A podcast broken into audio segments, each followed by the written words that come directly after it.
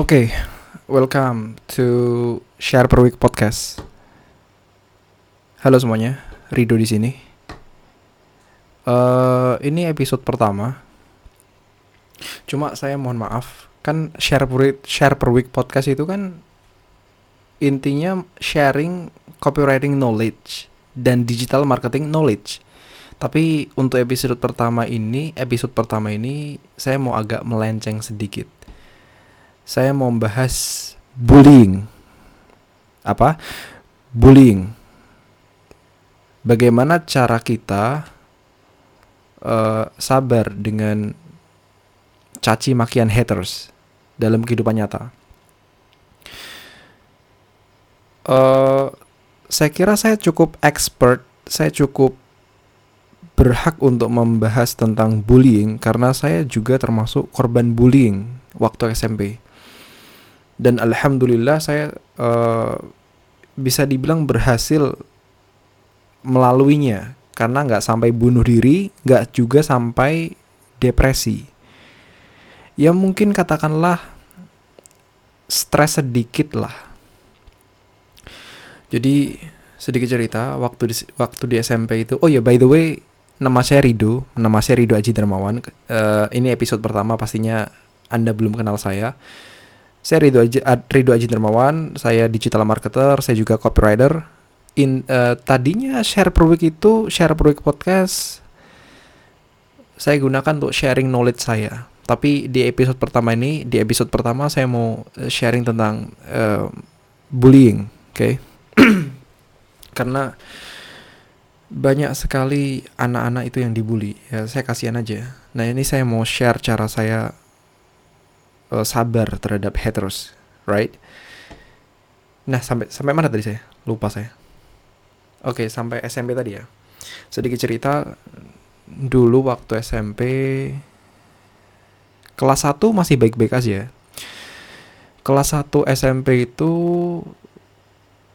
teman saya baik semua. Teman saya baik semua. Ya katakanlah teman wajar lah ya, nggak nggak baik-baik banget ya. Wajar wajar. Nah, mulai kelas 2 Nah itu, itu, wow, verbalnya, waduh, uh, mengerikan ya untuk ukuran SMB. Coba tebak, apa yang mereka katakan kepada saya? Mereka menyamakan saya dengan binatang. Ya ini saya dibully karena fisik bukan karena bodoh, bukan karena akademis. Kan banyak tuh ya yang dibully karena akademis. Tapi saya ini dibully karena fisik. Oke, okay, karena fisik. Sampai-sampai disamakan oleh disamakan dengan binatang. Diksi yang mereka pakai, pemilihan kata yang mereka pakai yang ditujukan kepada saya itu cukup mengerikan ya kalau kita pikir-pikir wah ini anak SMP bener nih. Anak SMP bilang kayak gini. Yakni mereka mengatakan mereka menggunakan kata menjijikan ke saya. Detailnya kayak begini. Saya ceritakan gak ya detailnya? Jadi intinya saya lagi duduk nih di bangku. Di bangku ya. Ya seperti anak SMP biasanya belajar bukan jam istirahat juga, tapi jam pelajaran, tapi gurunya nggak ada. Saya duduk, nah di belakang saya, Afwan, di belakang saya ada perempuan. Nah perempuan yang perempuan loh yang bilang kepada saya, perempuan tuh yang membuli saya. Oke, jadi saya duduk di depan, di belakang saya itu ada tiga perempuan. Dia lagi gibah saya, dia lagi apa menjelek-jelekan saya di belakang. Dan saya dan saya itu dengar gitu loh. Tuh nggak nggak punya nggak punya malu mereka. Saking nggak tahu orang tuanya tuh gimana ngajarin mereka ya? Dan yang lebih parahnya lagi yang yang membeli saya ini orang terpintar dalam segi akademis di kelas. Oke okay? di salah satu dari tiga perempuan tadi itu yang terpintar, yang tertinggi nilainya. saya nggak mau sebut namanya udah udah saya maafkan udahlah kalau saya ketemu dia saya sapa juga kok santai aja. Sudah saya bilang saya berhasil melalui bullying. Makanya saya sangat berhak berbicara ini. Karena saya udah alami dan saya berhasil melaluinya. Tidak depresi tidak juga bunuh diri ya stres sedikit mungkin ya sehari dua hari lah. Ya anak anak SMP gimana kalau dicaci maki? Oke? okay? Nah mereka ini lagi gibah saya di belakang oke? Okay? dan mereka dan sedang membicarakan dua anak. Dua anak laki-laki yang di yang yang kelasnya sama dengan mereka. Ya yaitu saya saya dan teman saya yang lain oke? Okay, jadi di kelas itu orang yang paling cupu ya saya bukan bukan cupu ya cuma yang menurut tiga orang tiga anak anak perempuan ini yang paling jelek mukanya itu yang paling menjijikan menurut mereka ada dua saya dan teman saya lagi yang lainnya. Nama nama aliasnya Babu. Oke, teman saya yang teman saya yang menurut mereka menjijikan juga ini nama, namanya Babu.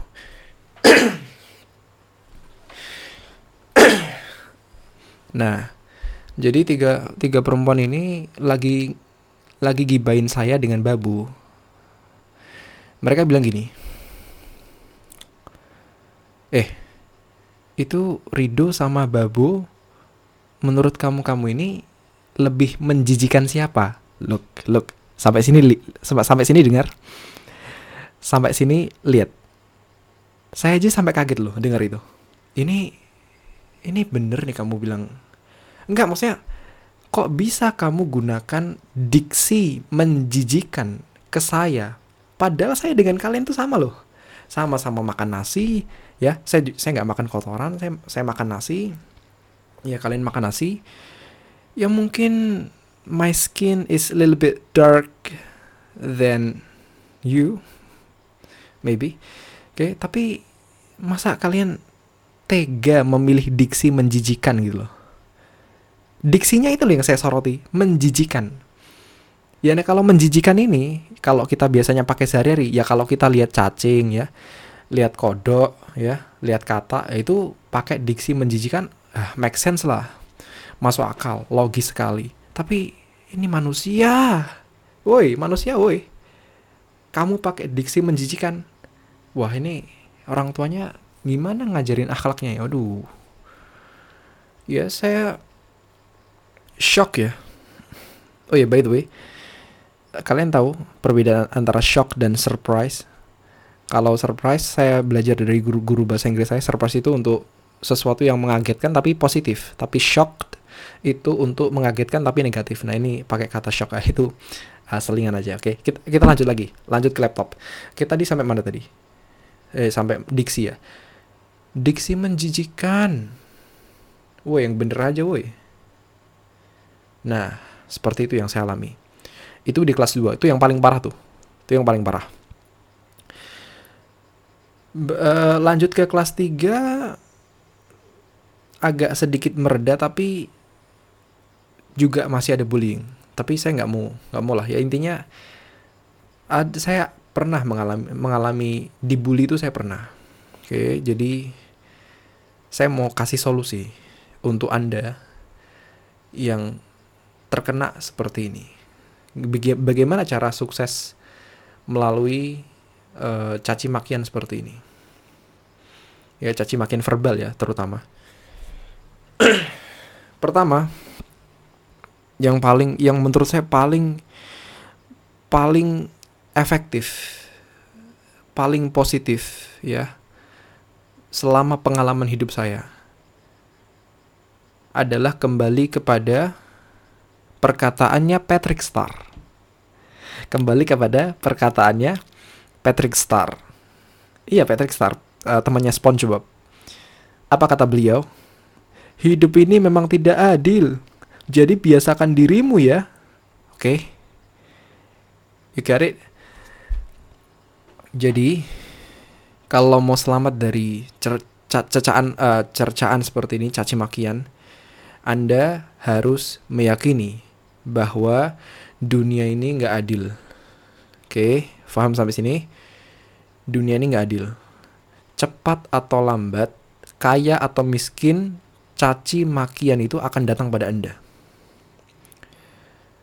Makanya kembali kalau ada yang mencaci maki Anda, kembali kepada perkataan beliau Patrick Starr.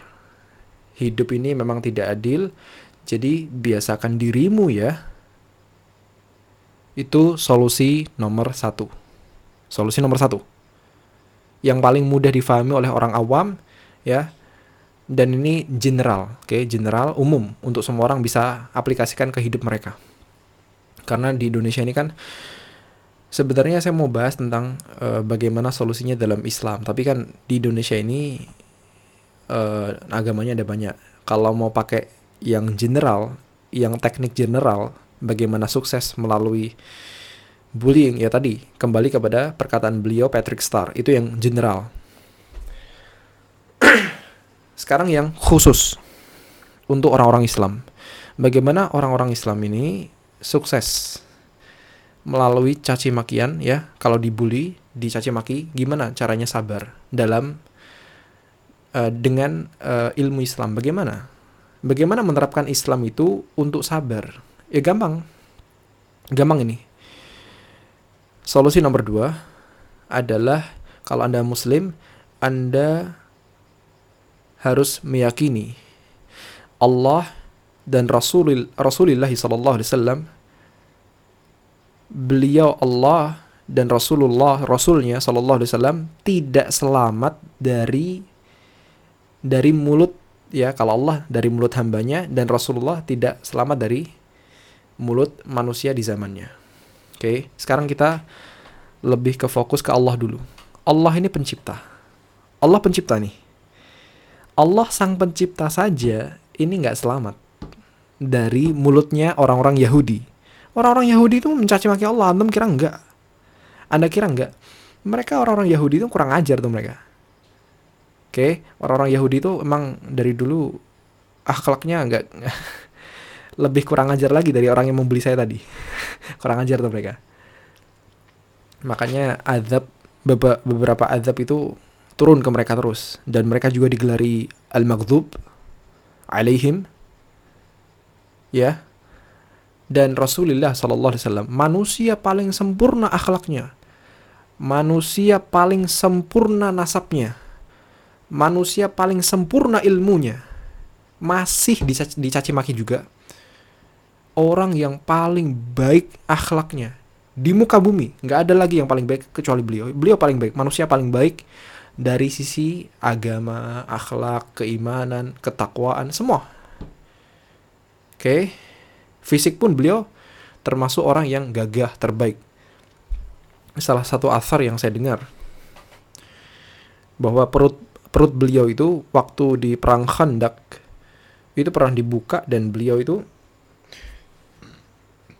kalau nggak salah ya nih saya bukan ustadz saya bukan apa apa cuma ada ada ada ada riwayat yang saya dengar bahwa bentuk tubuh beliau itu ya perut beliau itu seperti batu yang keras tersusun ya.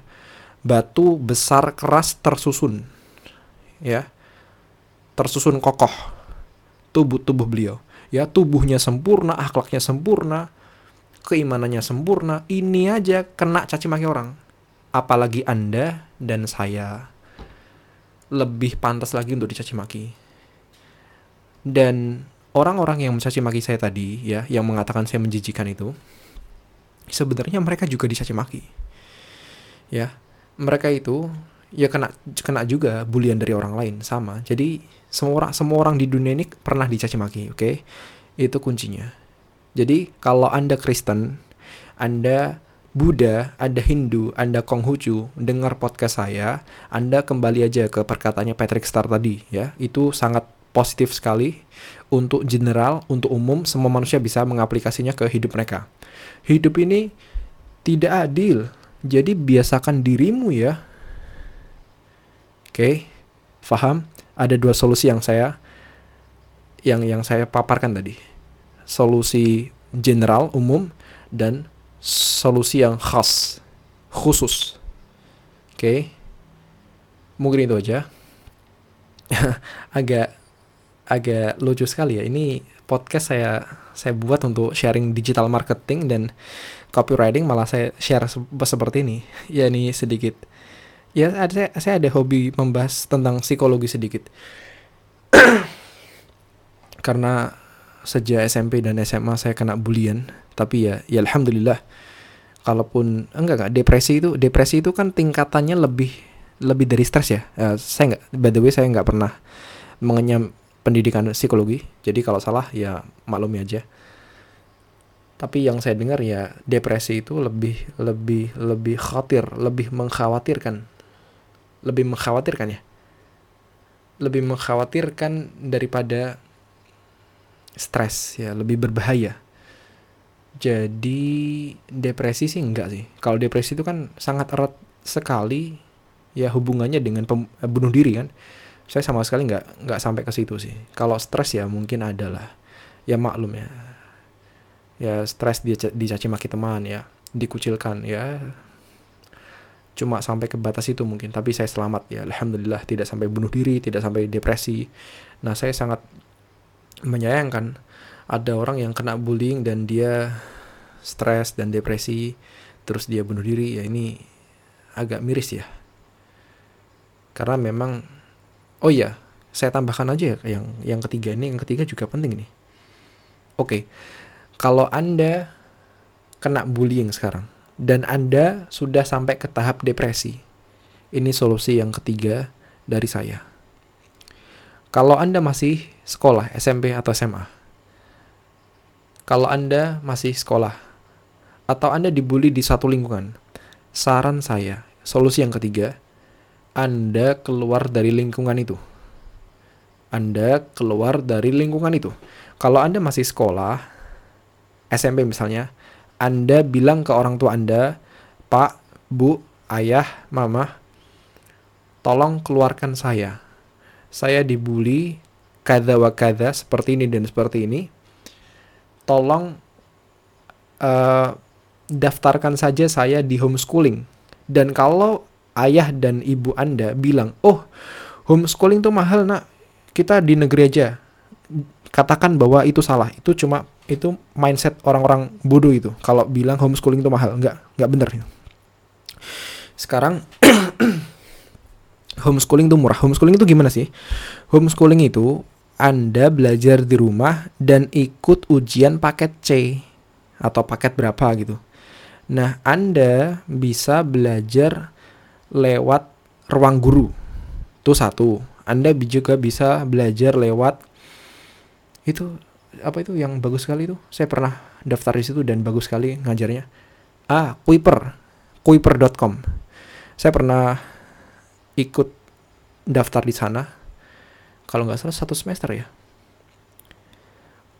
Waktu itu saya daftar untuk ikut ujian SBMPTN. Uh, eh, tapi SBMPTN saya gagal. Bukan karena Kuiper itu salah saya. Kuipernya bagus. Saya yang uh, waktu itu ada kerjaan dan ya kompleks sekali urusan saya waktu itu dan itu sama sekali bukan salah Kuiper, oke? Okay? Kuiper bersih dari uh, yang saya tadi katakan. Dia punya produk yang sangat bagus. Kuiper itu uh, jelas cara ngajarinya. Seperti apa? video terus ada guru datang dia ngajar lewat papan tulis papan tulisnya direkam nanti oke okay? itu mengajari matematika bahasa Inggrisnya itu jelas banget oke anda bisa belajar di Kuiper anda bisa belajar di ruang guru dan platform yang lain tapi yang yang terkenal kan dua itu nah anda belajar di sana kalau waktunya ujian nanti anda juga ujian atau anda juga bisa telat sedikit nggak apa-apa oke okay? yang penting anda bebas, Anda sukses, Anda tidak mengalami depresi. Depresi itu sangat berat, oke. Okay? Saya sarankan kepada Anda, berapapun umur Anda, keluar dari lingkungan Anda kalau Anda merasa depresi, oke. Itu aja. Entah lingkungan kerjaan kah, entah yang penting nyawa Anda selamat dulu. Oke. Saya ini termasuk orang yang uh, kata orang ya, kata ibu saya, saya ini berlebihan. Berlebihan dalam uh, menanggapi bullying. Karena ketika saya mengatakan bullying itu bisa menyebabkan menyebabkan pembunuhan, menyebabkan uh, darah tertumpah, menyebabkan nyawa hilang, ibu saya tuh bilang, wah kamu berlebihan ini. Saya nggak suka kamu bilang kayak gini. Itu ibu saya. Ibu saya uh, menganggap saya ini berlebihan. Tapi fakta lapangannya itu menyepakati perkataan saya, iya nggak? Fakta lapangan mereka ya fakta lapangan dia sepakat dengan perkataan saya. Betapa banyak orang kena bullying, ya, kena bully, dan dia depresi dan dia bunuh diri. Oke, betul berapa banyak itu? Saya nggak berlebihan. Saya ide bukan ide, idealis juga ya, realistis melihat fakta lapangan. Ya, udah itu aja. Mungkin itu aja videonya saya eh kok video audionya saya cut dari sampai uh, dari sini ya terima kasih udah dengerin saya ngomong panjang lebar tentang bullying. Dan semoga anda bisa sukses ya melalui kalau anda sedang mengalami bisa sukses melalui depresi ini atau ya semacamnya oke? Okay? semoga anda bahagia selalu. Kalau anda sedang struggling dengan income Semoga Anda dibantu oleh Sang Pencipta untuk bisa sukses mencari uang yang lebih banyak dan halal. Sekian dan terima kasih. Saya cut dari sini.